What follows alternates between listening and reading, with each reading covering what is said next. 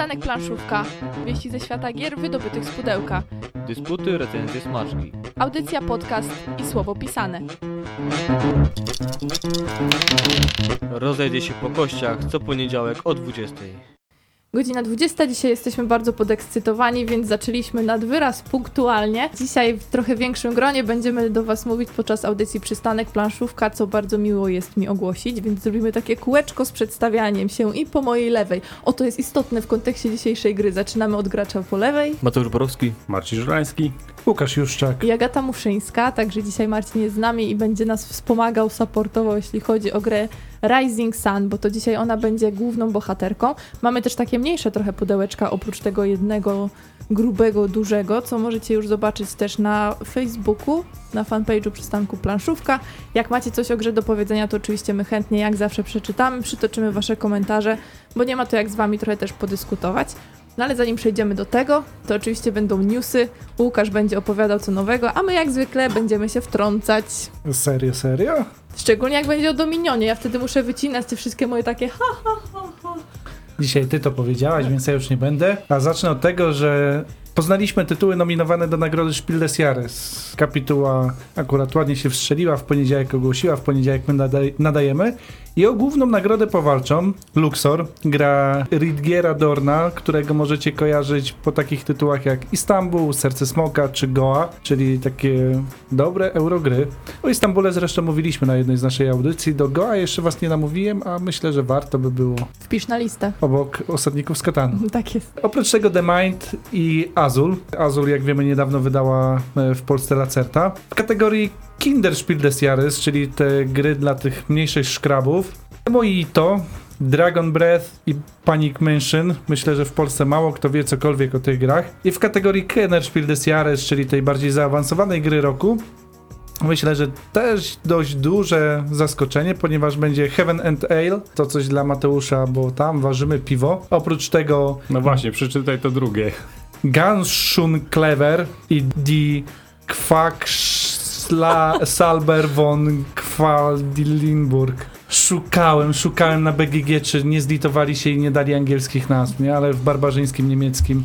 Podobno to jest bardzo poetycki język i bardzo taki melodyjny. Tak mi kiedyś dobra znajoma, która jest filologiem niemieckim obecnie, e, tak twierdziła, ja tej melodyjności w tym wszystkich umlautach i tym podobnych nie znajduję. Ja w tym, co powiedziałeś, to teraz dostrzegłam tyle melodyjności. Ach. Nie tylko Spiel des Jahres, również Origin ogłosiło swoje nominacji, w, nominacje. W kategorii gier planszowych nominowało 12 tytułów karcianych, 10 kolekcjonerskich, kolejne 10, rodzinnych 10. Naprawdę sporo, zatem wymienię tylko niektóre z nich. I w kategorii Family Games e, nominowane są m.in. Azul, Królestwa Królików, Tajniacy Duel i Sagrada. Z karcianych Hero Realm, Eon Ends, e, The Lost Expedition. W kategorii Board Games Gloomhaven, Lorenzo il Magnificio, Great Western Train, Pandemia Legacy sezon drugi i znowu Sagrada. Wymieniłem te tytuły, bo to są gry, które albo już się ukazały w Polsce, albo się niebawem mają ukazać. I czekamy teraz na wyniki. Niedługo też ogłoszenie polskiej nagrody gry roku. Czyli wy będziecie mieli newsy na następnej audycji. No można tak powiedzieć, akurat na maskaradzie zdaje się nie będziemy, ale i tak będziemy troszkę mogli podyskutować o tym, co tam wygrało. Czekamy. Ale odejdźmy trochę od tego, co będzie. Znaczy, może nie tego, co będzie, ale od tych wszystkich nagród. Bo nadciąga czwartek 17 i choć z, z pozoru niewiele to znaczy, bo czwartek to nie piątek, a 17 to nie 13, dla miłośników planszówek może okazać się dniem przygody, wsparcia i drenaży portfeli. Właśnie tego dnia do sklepów trafią trzy nowe tytuły z serii Exit. E, Zapomniana Wyspa, Stacja Badawcza i Zakazany Zamek. Z całą pewnością ucieszy to miłośników planszowych Escape Roomów. Tego samego dnia na platformie Zagram w to ruszy kampania gry Strażnicy Ksobos.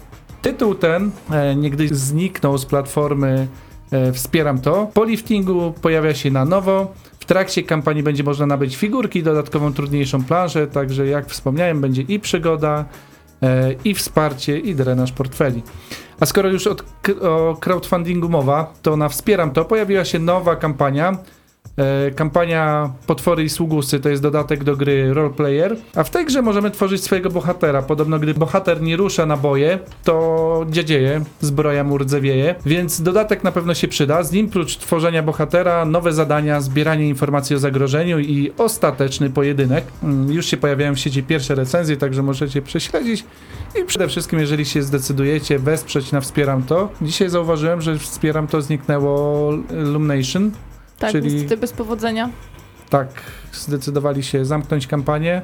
Przyznam, że już nie dochodziłem do tego nawet jak tłumaczono, ale ta kampania naprawdę wolno, wolno szła. Fox Games w ubiegłym tygodniu zaskoczył nas przynajmniej dwoma wiadomościami. Po pierwsze wydadzą grę Sagrada, dlatego też wymieniają ją przy okazji e, nagród, które na nią możliwe, że czekają. Jeżeli śledzicie Instagrama i inne media społecznościowe, to ten tytuł na pewno rzucił wam się w oczy. Poznacie ją po kartach z witrażami i masie kolorowych kostek, z których tworzymy te witraże. Sagrada ma ukazać się już po wakacjach. Druga informacja wiąże się z odejściem Wojciecha Rzadka z wydawnictwa. Dziękujemy Wojtkowi za dotychczasową współpracę i trzymamy kciuki za nowe projekty, które będziesz realizował. Kto wie, może znowu coś planszówkowego będziemy śledzili. Ale to nie koniec zapowiedzi. Wydawnictwo Hobbity wyda polską wersję gry Robin Hood, która u nas będzie nosiła tytuł Robin Hood. Black Monk nie porzuca mrocznych klimatów, po wrednych manczkinach i pesymistycznym świecie Gloom nadszedł czas na horrory rodem z lat 80. Jesienią ukazać się ma Monster Slaughter e, Horror w głębi lasu, gra, w której wcielimy się w wilkołaki, wampiry i inne mroczne stworzenia. I tutaj będziemy mogli polować najlepsze kąski studentów, ale nie będziemy im podbierali tych kąsków w sensie jakiejś pizzy, tylko ci studenci będą tymi kąskami. Jeżeli macie ochotę na to, żeby wedrzeć się na imprezę studencką w środku lasu w nocy, ten tytuł jest dla was. Fox Games jeszcze w maju odda w ręce osób, które nie czują strachu przed staromodnym rytuałem czytania książek i komiksów dwie nowe gry paragrafowe. Piraci Klątwa Wyspy Shukanet oraz zombie. Jak zombie, to wiadomo, że będzie o zombie i zobaczymy, czy to będzie prawdziwe zombie. Ty też jesteś miłośnikiem klimatów zombie, Marcinie? Walking Dead, Fear of the Walking Dead. Czy Jak zom- najbardziej. Te, te dwa tytuły to oczywiście, jeżeli chodzi o serial, natomiast gry, no to Zombicide będzie zawsze. Szczególnie teraz ten nowy, który wyszedł, czyli Black Plague, znaczy wyszedł u nas, e, bo oczywiście z Kickstartera e, możemy już sobie pograć w Green Horde. Także no, zombiaki jak najbardziej. A zombie w kosmosie? Nigdy w życiu. Czyli coś tam z, o zombie już wiesz, wiesz, że one nie latają, a skaczą, biegają? Pełzają. Dobry z siebie człowiek. Jak informuje Lacerta, możliwe, że już w czerwcu polscy gracze będą mogli zagrać w dwie gry karciane Puerto Rico, czyli nowe wydanie San Juan i Wysokie Napięcie. San Juan niedawno recenzowaliśmy, więc jeżeli nie słyszeliście o tej grze, bo w Polsce było tak cicho o niej przez lata, to możecie odszukać audycji na naszej stronie bądź na iTunesie, a jak już będziecie na iTunesie, zostawcie tam dla nas komentarz, kliknijcie gwiazdki od 1 do 5, bo to pomoże nam dotrzeć do nowych słuchaczy. Będzie trzecia część Doliny Kupców. Jeszcze w tym roku na Kickstarterze ma ruszyć kampania, w tym momencie Agata robi wielkie oczy. Nie znamy jeszcze szczegółów, ale trzecią część będziemy mogli łączyć z poprzednimi oraz ma być wydana w większym pudełku, tak żeby wszystkie móc trzymać w jednym.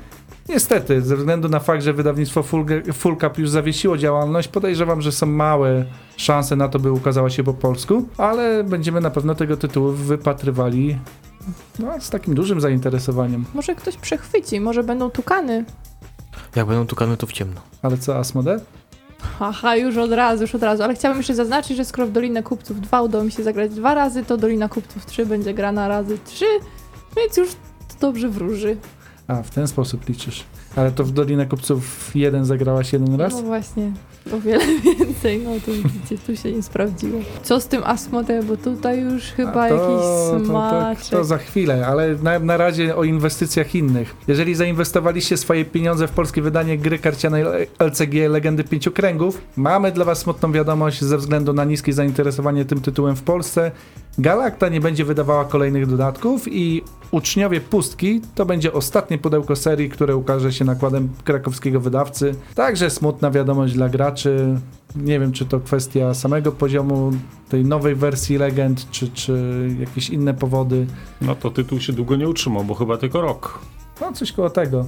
Chyba, że fani się skrzykną, tak było przy okazji Władcy Pierścieni LCG, że fani się skrzyknęli i faktycznie pospolitym ruszeniem udało się wydawcy namówić na kontynuowanie serii. No ale czy tak będzie, wiadomo, że z każdym kolejnym dodatkiem, jak nie ma dobrej sceny rozwiniętej turniejowej, to myślę, że takie tytuły dość trudno ciągnąć. Natomiast dla tych, którzy lubią zmagania turniejowe, Mundial w Rosji już tuż, tuż i wygląda na to, że wydawcy lepiej sobie radzą z przygotowaniami do niego niż sam organizator. Fox Games wydało grę Mundial, grę zręcznościową, w której rozstawiać będziecie piłkarzy, pstrykali kapslem i kto wie, może przeżyjecie przy tym jakieś emocje.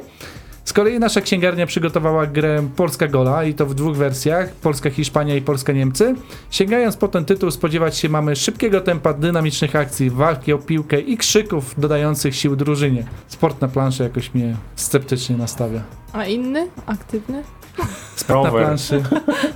Ja jestem leniwy, dlatego przez wiele lat jeździłem rowerem do pracy, bo mi się nie chciało ćwiczyć. O. To jest taki sport dla leniwych. Mnie nawet komp- ten komputerowy nie przekonał. Ale tam FIFA przynajmniej jakoś tam coś tam się działo, nie? Tak można było raz po raz pograć, a gry sportowe, takie typowe, to ciężko znaleźć jakąś dobre... Chmielu coś mi ostatnio pokazywał, jakąś grę odnośnie bodajże chyba wyścigów rowerowych. Dużo fajnego kombinowania właśnie. Za Chiny teraz sobie tytułu nie przypomnę. Nie, za Japonię sobie nie przypomnę. Dave Mira Freestyle BMX? chyba tak. Nie, nie, nie, nie, nie, ale nie mówimy o grze Takie- planszowej. A, w takim bardzo tradycyjnym lata 60., 70. klimacie, tak? Mhm. Wyścigów, takie ładne plastikowe figurki Zgadza są. się, zgadza się. Nie mam pojęcia jak się nazywa, ale kojarzę wizualnie tytuł. Może słuchacze wiedzą, to pomóżcie. Tak, pomóżcie, bo to, to ileś razy już mi się rzuciło w oczy gdzieś tam na zdjęciach w internecie i przyznam, że to mnie akurat intryguje. Bo to ma takie klimaty trochę starego Tour de France. A to jeszcze były fajne zmagania.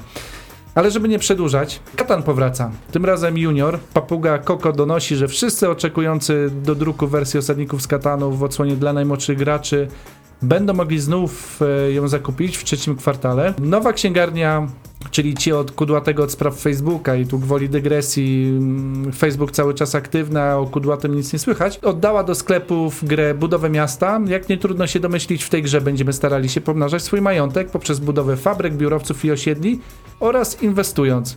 I tutaj na zachętę tytuł ten otrzymał nagrodę Mensa Select, więc myślę, że warto się zainteresować. Dla tych, którzy popadli w smutek po tym, jak kupili grę Inis i martwią się błędami, jakie wkradły się na karty, e, porzućcie smutki i żale. Wydawnictwo Portal nie tylko zamieściło na swojej stronie internetowej poprawione pliki kart, ale także poinformowało, że planują ich wydruk. Zatem zachęcamy do śledzenia strony portalu, gdzie pewnie za jakiś czas pojawią się informacje, jak można je zdobyć. I już powoli kończąc, informujemy, że trwają eliminacje do Mistrzostw Polski w Rumikub. Kolejna bardzo, bardzo fajna gra, już wiekowa. Ostatnio z Marcinem mieliśmy okazję testować to w domie dziennego pobytu w Bydgoszczy i osoby, które tam są bardzo dobrze mówią o Rumikubie. Listę turniejów eliminacyjnych możecie znaleźć na stronie rumikub.pl. Finały odbędą się 6 października w Warszawie, a z tych będziecie mogli się udać, oczywiście jeżeli wygracie, na Mistrzostwa Świata, a te już będą się odbywały w listopadzie w Jerozolimie. A na koniec newsów informacja dla tych, którzy mają ciut większe oszczędności. Jeżeli macie w zanadrzu około 1,5 miliarda euro, to może skusicie się na zakup Asmodee.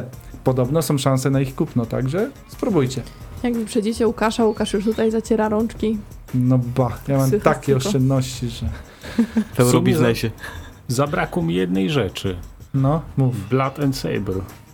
Gra, która się dopiero co, że tak powiem, pojawiła na Kickstarterze. Będą, będzie można wesprzeć. Polacy znowu po Nemezisie. Może rzeczywiście się uda, zobaczymy. Mały skirmisz w, w okresie, jak to się mówi, Polski Szlacheckiej, więc może rzeczywiście się to powiedzie. Pięknie. I dlatego doceniam gości w naszym studio, bo tu zawsze coś nowego i świeżego wniosą. Wiem, że jeszcze Adam Kwapiński z jakimś projektem ruszył na Kickstarterze na dniach, ale znowu tutaj nie dam sobie ręki odciąć za tytuł, więc znowu liczę na słuchaczy, że nas wesprą. A jak nie, to zaraz Facebook to zrobi. Zaraz do Was wracamy i zajmujemy się Rising Sun, także zostańcie z nami do 21. audycja Przystanek Planszówka. Wow! Tu mi pokazują na Facebooku jakieś piękne figurki. Czy to w temacie audycji dzisiejszej? Nie, A, myślałam, że jakaś twoja eurogra. Mackami?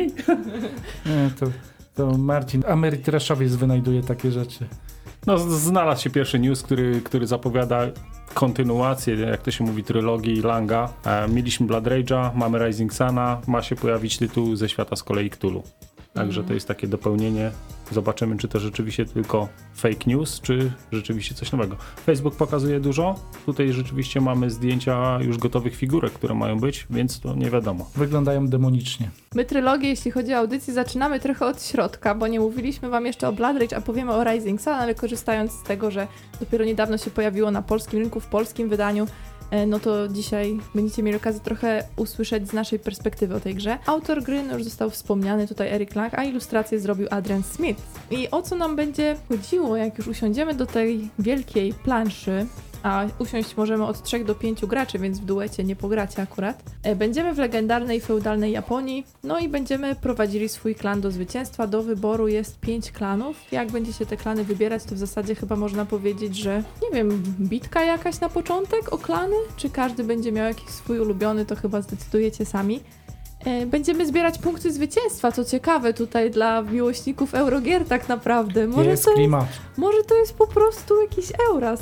Mateusz fajną rzecz wczoraj powiedział, ale smutno by było, jakby zamiast figurek były miple, co? Jak jest Cool Minior, no to to wiadomo, no ja, ja może nie jestem tak przesadnie związany z grafiką, ale dobrą figurkę umiem rozróżnić i tu no nie dali ciała. Powiem szczerze, że tak jak obserwuję sobie scenę e, gier e, planszowych, które mają figurki i obserwuję bitewniaki, w które też gdzieś tam powiedzmy jestem zaangażowany. Piękne figurki do bitewniaków widziałem tylko i wyłącznie w grze Infinity, która robi to naprawdę perfekcyjnie i drugi rodzaj figurek, które są tak pięknie wykonane, to są figurki w Rising Sun.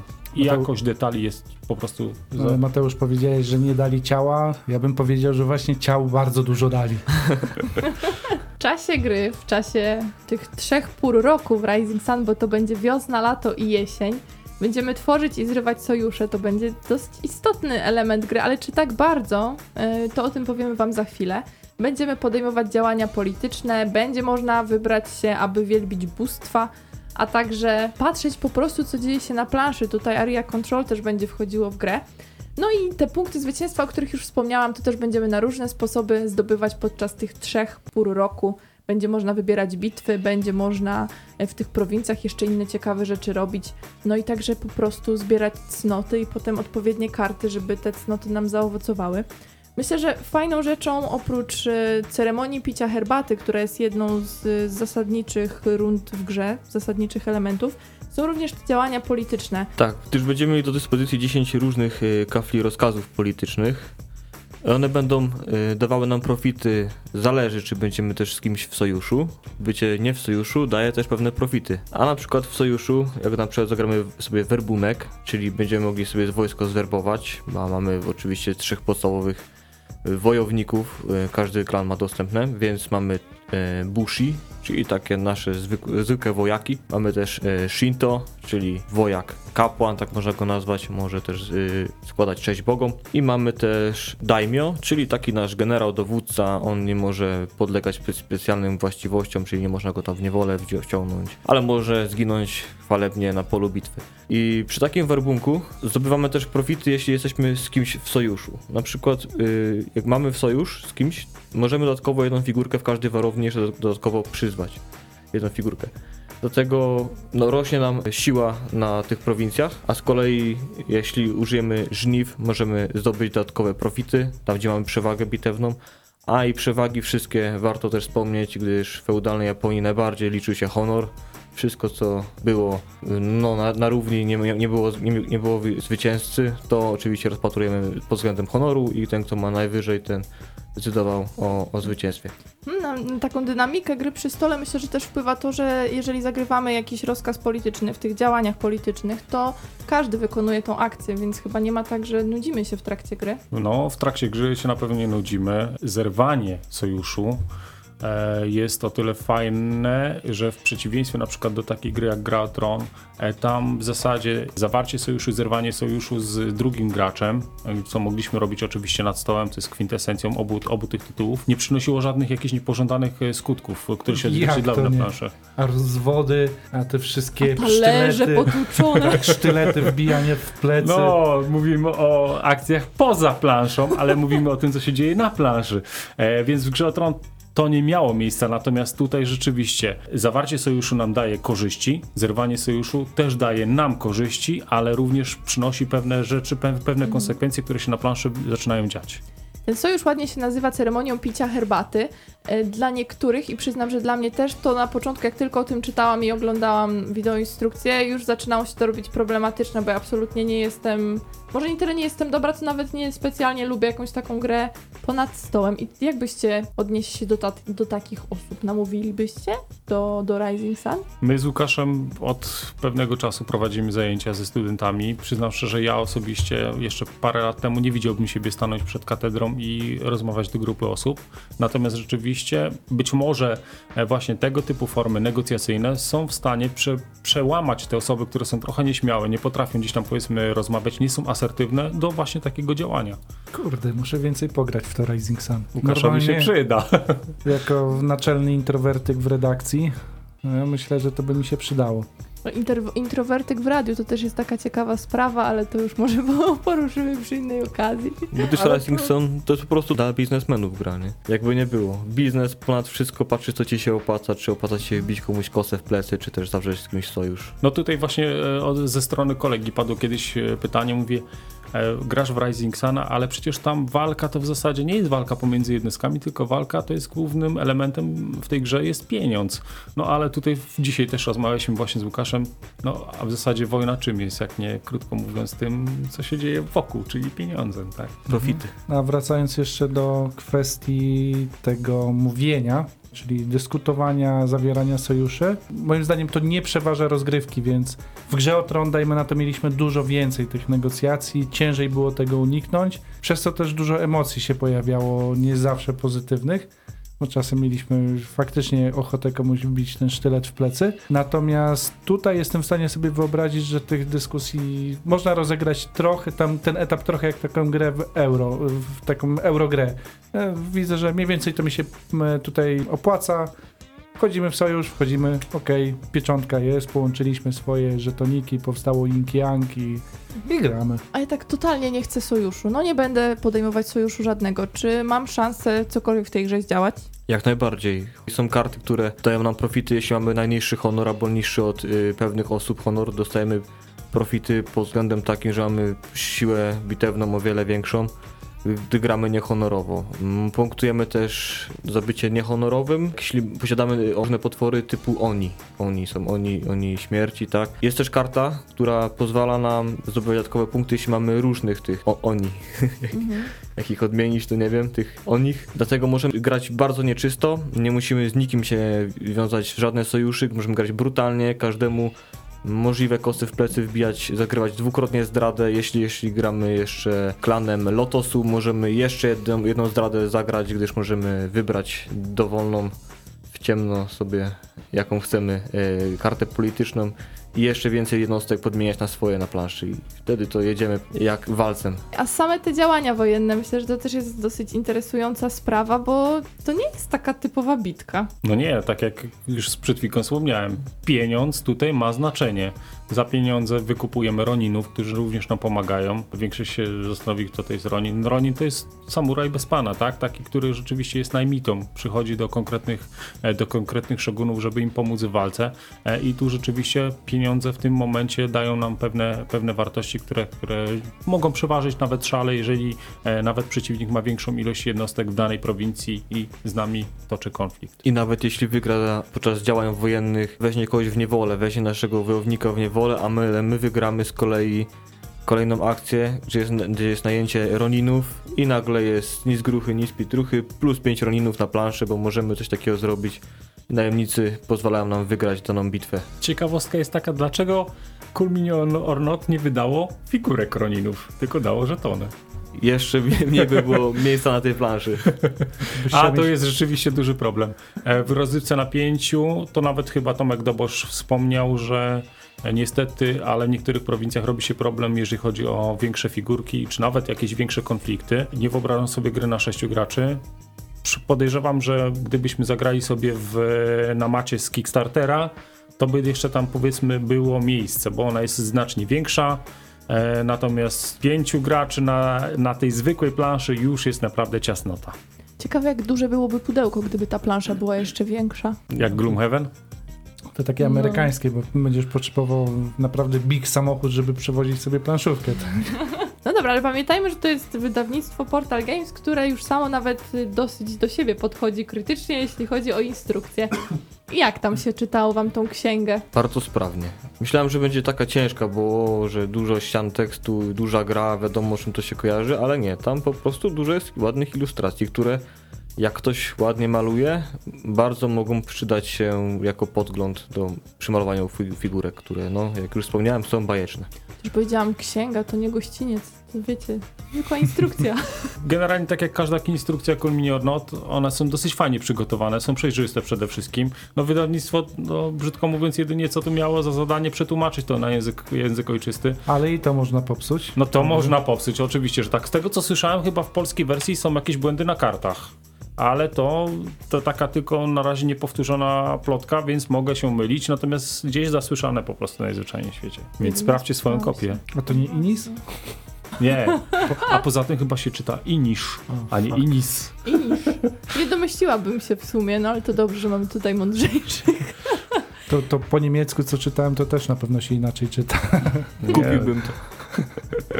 Honor bardzo wiele kwestii rozstrzega tutaj w tej naszej grze o zabarwieniu japońskim.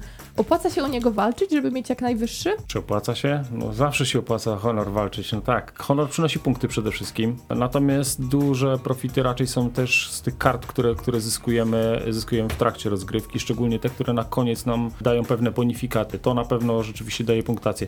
Wiadomo, że wygrywa ta osoba, która ma najwięcej punktów. Honor jest, jednego, jest tylko jednym z, powiedzmy ze składowych, które, które dają, dają nam te, te, te końcowe punkty, więc myślę, że tak.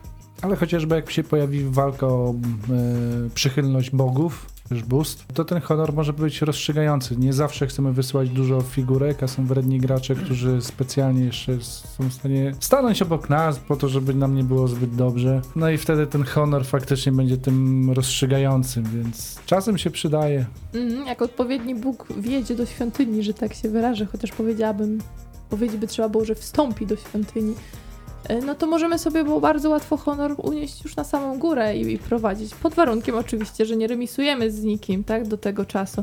Ale można chyba całkiem dobrze sobie nawet radzić i bez sojuszu, i o najniższym honorze, tylko wtedy trzeba faktycznie przyjąć taką postawę, że będziemy tam wrócić, mam wrażenie. W ogóle jak mówicie w czasie rozgrywki na tych takich bardzo podstawowych, bo u nas ostatnio padło, że to są racuchy albo paździerze, ziutki, jeszcze jakieś określenia, bo tak z Placuchy. ciekawostek. Placuchy. E, mówisz o... Takich podstawowych wojownikach. Tak. Bushi. Nie no, Bushi, Bushi, no to, A tak będzie ładnie. wojownik. A to my oczywiście. tylko tak. Jak na Eurogracza Stawiam przystało przy dupasy albo coś takiego.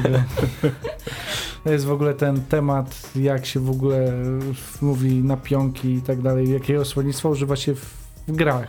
Podczas tak grania, no. Puerto Rico czarnuchy, przydupasy, tak. przy, przy okazji różnych mipli. No jesteśmy ciekawi, jak mówicie na podstawowe jednostki, które niczym się specjalnym nie wyróżniają. A słuchaczy dzisiaj mamy aktywnych, bo już nawet piszą, że pierwszy raz e, Marcin nami jest, e, ale nie ten, który siedzi obok. Marcin jest z nami na żywo. E, Wszystko będzie słyszał, czę- najgorsze. Często komentuje na YouTubie także i w komentarzach na Facebooku, także cieszymy się, że tym razem udało się tak na żywo, na żywo posłuchać. E, Łukasz też wspomina o tym, że się zawiódł na Rising Sunie. Także zobaczymy, co jeszcze inni napiszą. Dlaczego się zawiódł? My jesteśmy tutaj otwarci na wszelkie rozwinięcia, bo u nas tak można powiedzieć, że 3 czwarte studia będzie raczej chwaliło grę i będzie jedna osoba, która podchodzi sceptycznie, Kto tu jest tą zdrajcą? kto zdradę zagrał. A o klimacie nic nie mówiliśmy, nie? No oczywiście, Ale jest, Ale się wywinął. o emocjach jeszcze nie powiedzieliśmy, o regrywalności i o innych ciekawych rzeczach, ale jak już wspomnieliśmy o tym, że plansza jest trochę za ciasna na 5 osób, to myślę, że to jest dobry moment, żeby nawiązać do skalowania. Jakieś różnice między grą w 3, 4 a 5 osób? Grałem w 4-5, najlepiej grało się w 4, przyznam szczerze. E, Było trochę luźniej, przede wszystkim, e, nie było tak tłoczno, nie było tej takiej kolejki presji do tego, żeby rzeczywiście gdzieś tam powiedzmy wepchnąć się w konkretną prowincję, także w 4 najlepiej mi się grało. Ale skaluje się dosyć dobrze na wszystkie gdzieś tam powiedzmy te fronty, podejrzewam. W 3 też było ok. Wiem wtedy, co się dzieje na planszy, mam takie wrażenie. Mogę trochę bardziej zawojować, gdyż szczególnie ma to dla mnie znaczenie, jak jest formacja. bo po lewej gracz zaczyna, jak ja zagrywam formację i zanim do mnie dojdzie, to może być kompletny już chaos na planszy, bo przemieszane jednostki. Jest jeszcze taka jedna wyspa, gdzie startuje właśnie klan Lot- Lotosu. Ona jest dość odcięta, nie ma tam za bardzo przystani i ona była taka odcięta i żeby tam stamtąd wypłynąć na inną prowincję, gdzie toczyły się faktycznie wylosowane e, bitwy, było dość ciężko. I już potem było po ptokach. Na końcu formacji zaczynać też jest trochę słabo. No jak gramy we trójkę, to zawsze jedna osoba zostanie bez sojuszu, więc przy okazji może sobie... mm, Znaczy co najmniej jedna osoba zostanie bez sojuszu, więc można sobie zobaczyć jak to działa, jeżeli nie no mamy właśnie, tego. przy nieparzystej ilości graczy fajną rzeczą jest to, że wymusza to jednak mimo wszystko właśnie ten, tą presję gry nad planszą, żeby jak najszybciej gdzieś tam powiedzmy z kimś Mhm. sojusz zdobyć, nie? Wybierz mnie, wybierz mnie, zrobię ci obiad na przykład. Ale z kolei jeśli nie mamy boga wylosowanego Amaterasu, tak, który winduje nam honor do góry i gramy w nieparzystą ilość osób, typu 3, wtedy to bardziej nam zachęca, żeby bijać kosę w plecy i lecieć z honorem w dół. Więc łatwiej iść w dół z honorem, niż na przykład jeśli mamy tego boga wylosowanego, windować się w górę. To naprawdę co byśmy musieli poświęcać się na pole bitwy i sepuku popełniać, żeby lecieć w górę z honorem na przykład. Nie jest to do końca takie łatwe iść do góry, jeśli nie mamy tego boga wylosowanego. No to skalowanie myślę, że każdy z Was powinien sam wypróbować, jeżeli będzie miał okazję, oczywiście w różnych składach i wtedy wyrobicie sobie zdanie. No na piątce, w piątkę powiedzieliśmy już trochę ciasno jest, chociaż w czwórkę ostatnio jak na tej, idziemy się na Kansai, tak się skupiliśmy, to już też jak smog leciał, to już koniec.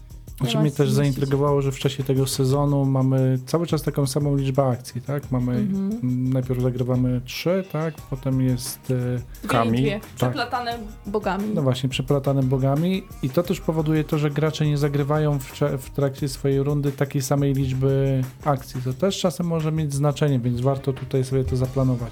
Mhm. Nawet znaczenie ma to, jakie klany wybieramy i potem musimy się odpowiednio e, usadzić przy stole. Więc tak zostało to pomyślane, tego się trzymajmy. To też może trochę nas zachęcić, żeby walczyć o ten wyższy honor. A co z- ostatnio zdziwiło Łukasza? Po porze roku zerowanie gotówki i roninów. To jest smutek. Zbrodnia. To w euro by tak nie było. Jak już masz, to masz do końca, nie? No. Już się cieszył. Przy pierwszej rozgrywce przy, przyznaję, że nie dosłuchałem tej reguły i zginęli mi wszyscy na planszy, no to się cieszyłem, że przynajmniej mam gotówkę, a nagle słyszę oddaj. No i weź tu graj. No tak mówiąc brutalnie, no jak to tak Mm. leżącego kopią. Dobrze. To żół- żółci tacy pechowi na początek może są. Mateusz też żółty mi dostał tak, Jeszcze bardziej tarłem twarzą o beton niż ty. Przy pierwszej mojej rozgrywce. ale był to feudalny beton Japonii, tak Klan bonsai i nie podszedł wtedy mi. Drzewka powoli rosną, tak? Bardzo powoli. Każdy klan ma inne właściwości, inne jakieś profity. Warto sobie też oczywiście zagrać każdym, wypróbować, co nam się podoba, co nie. Zawsze się wydaje, że ten obok to ma jakieś takie fajniejsze te cechy, ale jak dobrze umiemy wykorzystać swoje, to pewnie też nam to profity przyniesie. Chciałabym, żebyśmy właśnie z tej okazji, że jest pięć klanów, może nawiązali do tematu regrywalności i tego, jak z tej gry będzie można długo korzystać, bo to wydatek jest niemały. No, wydatek nie mały, natomiast regrywalność na pewno spora jest, bo tak, oprócz e, kart podstawowych, które mamy mm, w ramach poszczególnych pór roku, dochodzą nam trzy, e, trzy chyba zestawy kart, e, które możemy dodatkowo wtasowywać, czyli podnoszące poziom, e, poziom naszego gdzieś tam powiedzmy zaawansowania. Co ciekawe, w dodatku, e, który tutaj akurat mamy, czyli w dodatku Kami e, Unbound, w nim mamy dodatkowy, kolejny zestaw kart, e, który tworzy nam czwartą gdzieś tam powiedzmy tą małą podtalię, więc możemy rzeczywiście sobie tym tasować. Umówmy się też szczerze, to jest tytuł, który na pewno nie będzie lądował u nas na stołach raz w tygodniu. On wyląduje u nas raz na miesiąc, dwa miesiące, może raz na pół roku rzeczywiście, ponieważ rozgrywka też dosyć długo trwa. Z tego co Łukasz mówił, wygraliście chyba bodajże dwie godzinki. Przy osobach e, niezaawansowanych, z tego co słyszałem, no to też rzeczywiście gdzieś tam ta rozgrywka potrafi sięgać nawet do 4 godzin, więc 4 godziny poświęcić czasu, no to jest jednak spora ilość, że tak powiem, zagospodarowanej. A czym więcej ilości. tradycji RPGowych, tym pewnie dłużej, będzie, dłużej będziecie grali, bo faktycznie ta faza negocjacji będzie wam wydłużała rozgrywkę. No, ciekawe, pewnie byśmy się też tak A czuli my bardziej, jakbyśmy z pampersy grali. wrzucaliśmy do kubków, szybkie parzenie herbaty. No, my tak tylko szybko, ty ze mną, kto ze mną, kto ze mną i tak dalej, więc jak się zbiorą cztery osoby, czy tam pięć, które niekoniecznie tak ponad stołem i zero takiego jakiegoś wczucia, bo grają w suchary, no to jak tacy specjaliści od takiej gry by na nas popatrzyli, to bym myśleli, jaka żenada. Ale dobrze się bawiliśmy przynajmniej, więc nie trzeba jakoś tak się mocno wczuwać, acz no klimat mimo wszystko chyba, no jest, jak taki smok ci wjeżdża na wyspę. Jest, jest. Smoki są. W podstawce mamy jednego ze smoków, z kolei w Monster Packu dochodzi nam drugi smok, smok ognisty. Monster Pack o tyle fajny jest, że rzeczywiście rozbudowuje nam zestaw e, potworów, które mieliśmy w podstawce. E, Drugi dodatek, który tutaj też dzisiaj mamy ze sobą, czyli Kami Unbound, jest o tyle też świetny, ponieważ oprócz tego, że w, w momencie, kiedy przechodzimy do fazy Kami, czyli modlitwy do bóstw, e, dostajemy nie tylko profity ze świątyń, do których się modlimy, ale również mamy możliwość wezwania Boga, aby zstąpił na ziemię japońską e, i wsparł nas troszeczkę w walce. To jest świetna rzecz. Rzeczywiście tych bogów tutaj mamy. Zanim gra oczywiście się pojawiła, tutaj rozmawiałem z moim przyjacielem, pozdrowię od razu, od razu na antenie e, Takayukiego. Takayuki przyjrzał się tym postaciom, które tutaj są bogów i mówi, ale one są straszne. Przecież nasi bogowie, oni są tacy pulkni, okrągli, a tutaj rzeczywiście są dosyć tak specyficznie pokazani.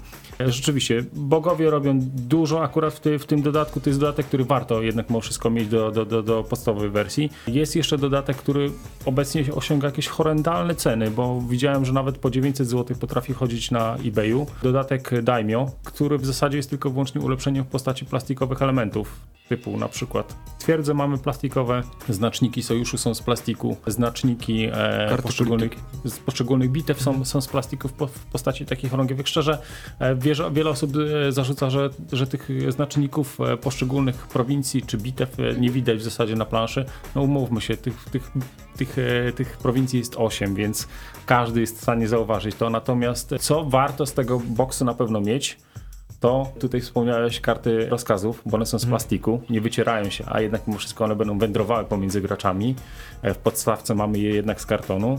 No i drugą rzecz, którą warto też chyba mieć z, tej, z, tego, z, te, z tego dodatku z Daimyo, e, mianowicie kolejny klan, klan Lisa. Przynosi coś nowego, jakieś nowe gdzieś tam powiedzmy specjalne zdolności. E, W Dynasty Invasion mamy kolejne też dwa dw- dwa kolejne klany, czyli klan e, Słońca i klan Księżyca. Szczerze mi by się marzył jeszcze jeden dodatek. Dodatek, który wprowadziłby coś zewnętrznego, bo tutaj mamy walkę klanową pomiędzy klanami e, tego, co się działo w Japonii.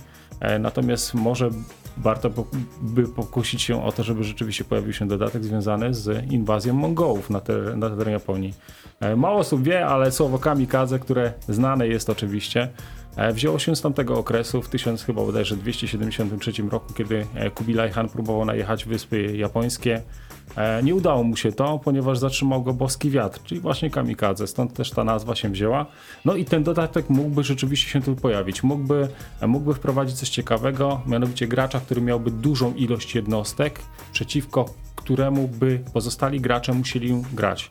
Nie mogliby zawierać sojuszu z tym, z tym przeciwnikiem. I to by rzeczywiście przyniosło taką ciekawostkę. Jeżeli pan Lang nas słucha, to właśnie ma pomysł na nowy dodatek.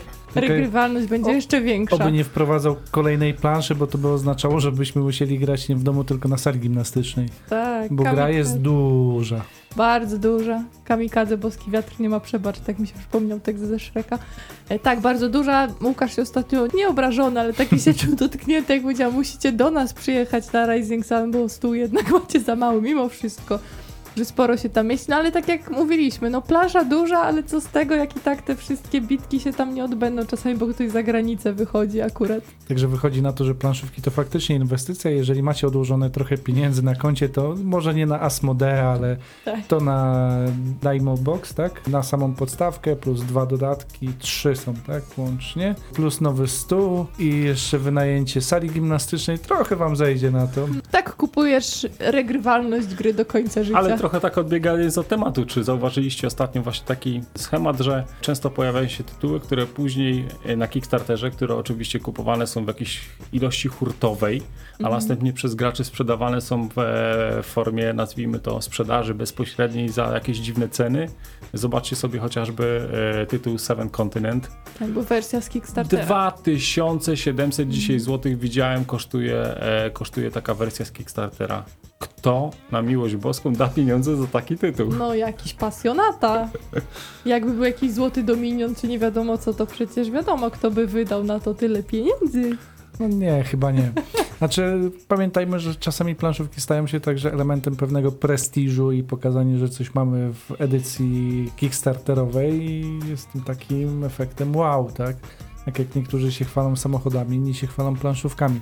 Trochę snobizmu w nasze w hobby chyba też wchodzi i te właśnie gry Cool Mini or Not y, chyba to podkreślają. Bo umówmy się, no, czy musi być tyle figurek w grach?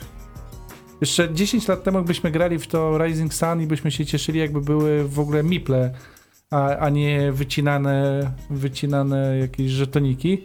Tak jak w grach wojennych, za które też potrafią ludzie dać kilkaset złotych, a to są same płaskie żetoniki, czytelność straszna dla przeciętnego zjadacza chleba. Tutaj mamy figurki, które faktycznie są takie megalomańskie. Skala tych figurek, to znaczy nie wiem jak, jak wielcy są bogowie, ale i te wszystkie demony, ale, ale No, figurki... mamy je otwarte, więc można zobaczyć, że rzeczywiście... No, no, ale chodzi mi ci realni odwzorowywani. Także nie jestem w stanie podać skali, czy to jest 1 do 20, czy... Ale, ale są naprawdę duże te figurki. e, No i za to niestety trzeba potem trochę zapłacić. Tak, jest to na pewno spora inwestycja, dlatego warto zagrać na pewno przedtem. Ale uzasadniona inwestycja? Zobaczcie sobie, e, to jeszcze tak, tak, tylko tak wrócę do tego, co, co Łukasz mówił. Oczywiście wielkość figurek się pojawia po prostu olbrzymia. E, Zobaczmy sobie chociażby e, Cthulhu Wars, gdzie również mieliśmy po prostu jakieś gigantyczne te, te, te, te, te figurki boost ze świata Lovecrafta. Przy Colminie Ornot tego się pojawia dosyć sporo. Wcześniej, wcześniejszy tytuł, który również e, Common wydał, czyli e, Massive Darkness, no tam to po prostu było od zatrzęsienia tego plastik na plastiku. Te rzeczywiście są i ładnie wykonane i przede wszystkim nie ma ich aż tyle, więc, więc na pewno. Finansowo rzeczywiście one są dosyć, dosyć, dosyć zaczyna się robić to kosztowne. Widzę, że ten próg 400-500 zł zaczyna być przekraczany i to już jest takie trochę niebezpieczne, no bo rzeczywiście gdzieś tam powiedzmy te, te, te kwoty już są troszeczkę, no niewspółmierne czasami do tytułu. Mhm. Ale też warto wspomnieć, że im większa figurka, tym więcej detali idzie w to upchnąć, więc według mnie są warte swojej ceny. Rising Sun zapowiadany jako Blood Rage na sterydach. I co z tym? Gdzie ten Blood Rage? Zdecydowanie nie. No Fi- jest- Figurki są. Znaczy, jest coś wspólnego, jest autor, No tak. Ale tak naprawdę tekst jakiś taki dziwny to hasło mi się jest wydawało. wydawca polski ten sam. No tak, no ale to takie powiązania, że spodziewasz się, że naprawdę będzie jakaś taka ostra bitka, no bo Blood Rage, jak już sama nazwa wskazuje, no to tam krwawo powinno być, no i, i bywa, bo tam wszystko się na tym opiera i te siły człowiek jednoczy, żeby jak najbardziej Nie, objąć jak To jest to najwięcej. chyba, Agata, co ci mówi, mówiłem przed, przed wejściem na antenę, że to jest chyba taka e, składanka kilku tytułów. Mamy tutaj trochę z Gry mamy troszeczkę z Blood Rage'a, mamy trochę z Ojca Chrzestnego, mamy z takich tych, tych naj, naj, naj, najfajniejszych gdzieś tam powiedzmy e, tytułów, e, które opierają się na e, Daddy's on, on Board czy, czy, czy Area Control. Właśnie z tych elementów gdzieś tam powiedzmy się, e, się składa. Nie jest to na pewno Blood Rage 2.0. Nie jest to boostowane. Więc jeżeli ktoś się odbił od Blood Rage, to niekoniecznie znaczy, że od Rising Sun też się odbije. Z kolei zabrzmiało to też tak, jakby poszedł taki fermer, że Blood Rage 2.0, jakby Blood Rage sam w sobie był jakiś zły i teraz wychodzi lepsza wersja tego. Tak, jakby nie był wersją już samą w sobie kompletną. Że hej, wydamy coś lepszego No bo na sterydach, Rage tak? 2. Czyli to jest takie dopompowane jeszcze. Może to jest takie też amerykańskie, zobaczcie, no, tam nawet hamburgery są większe niż u nas. I może takie pompowanie, że było świetnie, Blood Rage był pozytywnie przyjęty. Dajemy jeszcze 20% więcej Big Maca, Big Big Maca, Big Big Big, Big Maca i potem XXL Big Maca. będziecie otyli Ale- przy planszówkach. Wiesz o co chodzi, to, to jest znowu hamburger. A to Mhm. nie jest hamburger, to nie jest drugi hamburger, to jest To po prostu, to jest hot dog. Nie wiem, to jest inna gra zupełnie, to nie jest Blood Rage 2.0. Myślę, że tutaj właśnie emocje się pojawiły i to też rzecz, o której trzeba wspomnieć, bo ja tak tylko podkreślam, że Łukasz taki eurosucharzysta i tak dalej, no ale przecież ja to samo gram najchętniej w karcianki, w jakieś eurogry, a przy tym to się ewidentnie jaram i się odgrażam i nie wiadomo co robię, więc naprawdę mogę powiedzieć, że mi jako osobie, która nie gra nad stołem, bo nie umie albo jeszcze nie umie, która nie jara się jakoś specjalnie figurkami, no to tutaj jest naprawdę podekscytowana maksymalnie, więc to też chyba o czymś świadczy, jeśli chodzi o takie emocje. Czy to was też tak powoduje? Ja mówię z perspektywy kobiecej, kobiety, pod, kobiety podobno też jeszcze emocjonalne trochę bardziej. Czy mężczyźni też się tak y, cieszą przy tym, nie tylko dlatego, że są figurki? No, polityka, negocjacje, wojna to zawsze są te elementy, które wzbudzają w nas tą takie ach, presję. Więc to na pewno rzeczywiście tutaj wzbudza, wzbudza dosyć duże emocje. Albo jak ktoś kartę wykupi przed nami. O, O, tak. Albo jak na końcu kogoś wyprzedzasz i myślisz, że już wygrałeś, a ktoś miał tą samą kartę i też dostaje trzy punkty za każdą warownię. Tak wspominając ostatnią rozgrywkę. Nawet takie smaczki się dzieją podczas tej gry, że potem się je pamięta na jeszcze kilka miesięcy, bo a pamiętasz wtedy, jak coś tam, coś się wydarzyło i, i, i tak bardzo zapada to w pamięć, więc tak, ja wyrażam dość emocjonalne podejście do, do tej gry i bardzo ją za to szanuję. I za regrywalność właśnie, i za te emocje, które daje.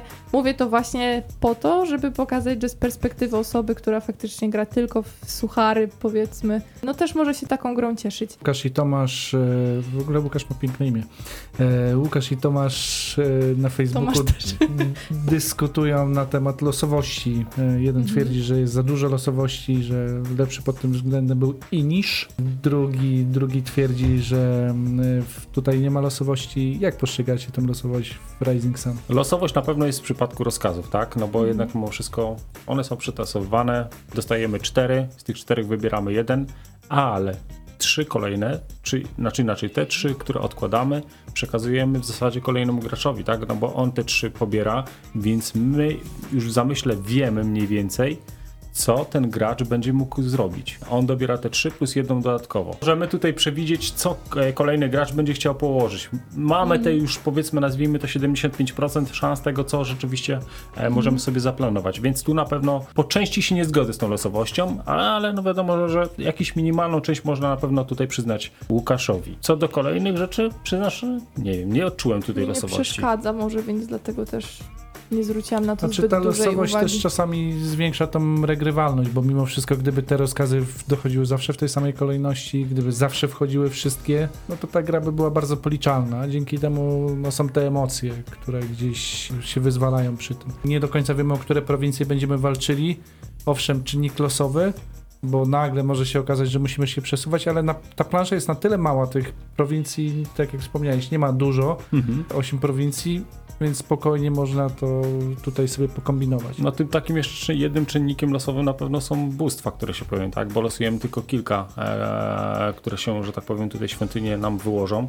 E, reszta odkładane, odkładane jest z powrotem do pudełka, więc to na pewno Ale też taki wątek losowy. To już na początku rozgrywki wiesz, jak Mhm. będzie się rozkładało. Mhm. I to się nie zmieni przez całą rozgrywkę, już tak samo jak te karty, które dobieramy, są podstawowe te talie i potem jedna na, na całą rozgrywkę. No to też jest jakby ukłon w stronę e, regrywalności. Myślę, że ostatnią taką rzeczą, którą możemy poruszyć, powiedziałabym o progu wejścia. E, Jak byście to ocenili? Dosyć szybkie tłumaczenie, przyznam szczerze.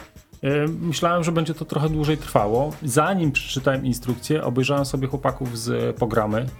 Zobaczyłem sobie tą rozgrywkę, którą zagrali z Bilgunem.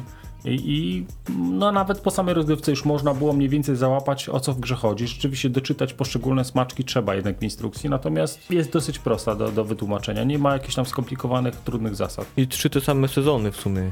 Robimy to samo, więc nawet jeśli pierwszy nam nie pójdzie, nie jesteśmy aż tacy stratni. Jeszcze mamy szansę, żeby w kolejnym wlecie się odkopać i w jesieni jeszcze coś ugrać i na zimę zapunktować. Tak, Prawda Łukasz? Tak, miałem kilkanaście punktów, jak latem się nie udało, tak? Czy Łukasz, właśnie trzy minuty na, na teraz sw- swoją perspektywę, tak szczerze, że nie musisz Znaczy, naszych tutaj peanów tutaj Jeszcze dołączać. Tomasz wspomina, że gra jest easy to learn, hard to master, e, jak to niektórzy lubią mawia- e, mawiać. Tomasz wczoraj grał pierwszy raz klanem Ważki. Natomiast no, ja jestem chyba najbardziej sceptyczny wobec tego tytułu. E, Jeżeli mam wybrać grę negocjacyjną, chyba chętniej zagram w grę o Tron mimo wszystko. Tam jakoś czułem więcej emocji. Natomiast to nie jest kwestia tego, że tytuł jest zły. Tytuł ma ten efekt wow. Bardzo pozytywnie zaskoczyła mnie łatwość, ten, ten próg wejścia, że on nie jest taki rozdmuchany. Grę o Tron musimy 45 minut tłumaczyć. Jeszcze każe instrukcję przeczytać. Tak, jeszcze najlepiej niech przynajmniej jakieś pojęcie mają. Tutaj faktycznie możemy usiąść i to wszystko ładnie, w dość prosty sposób wprowadzić graczy. Wykonanie robi ten, ten efekt wow. Nie grajcie w to, to z dziećmi, bo jak zobaczą te wszystkie obcięte głowy i ciała zwisające na jednym z potworów, no to mogą mieć koszmary potem. Ta szczegółowość jest tutaj wręcz jak z horroru. Ja bym nie dał takich pieniędzy za ten tytuł. Spokojnie mógłbym grać w momencie, kiedy by nie było figurek. Ja bym nic nie stracił, ale jestem takim eurosucharzystą. Ja lubię Kailusa. I lubię Dominiona, lubię z klimatów takich japońskich samuraja, Knici. Jest to dobry tytuł, na pewno chętniej niż po Blood Rage'a bym kolejny raz sięgnął i nie odmówię rozgrywki kolejnej, jak zaproponujecie to bardzo chętnie. Natomiast no mówię, nie jest to tak porywające, żebym biegł do sklepu i chciał. A wiecie, że zanim w ogóle ta gra się u mnie pojawiła, jak pierwsze newsy się gdzieś tam powiedzmy pojawiły, że to startuje na Kickstarterze, na początku myślałem, że to będzie bitewniak. No tak, ja też te walki sobie całkiem inaczej wyobrażałam, a tutaj się okazało, że to wszystko może przejść jakoś gładko. Cieszymy się, że mogliśmy Wam różne perspektywy na tę grę pokazać, przynajmniej takie mamy wrażenie.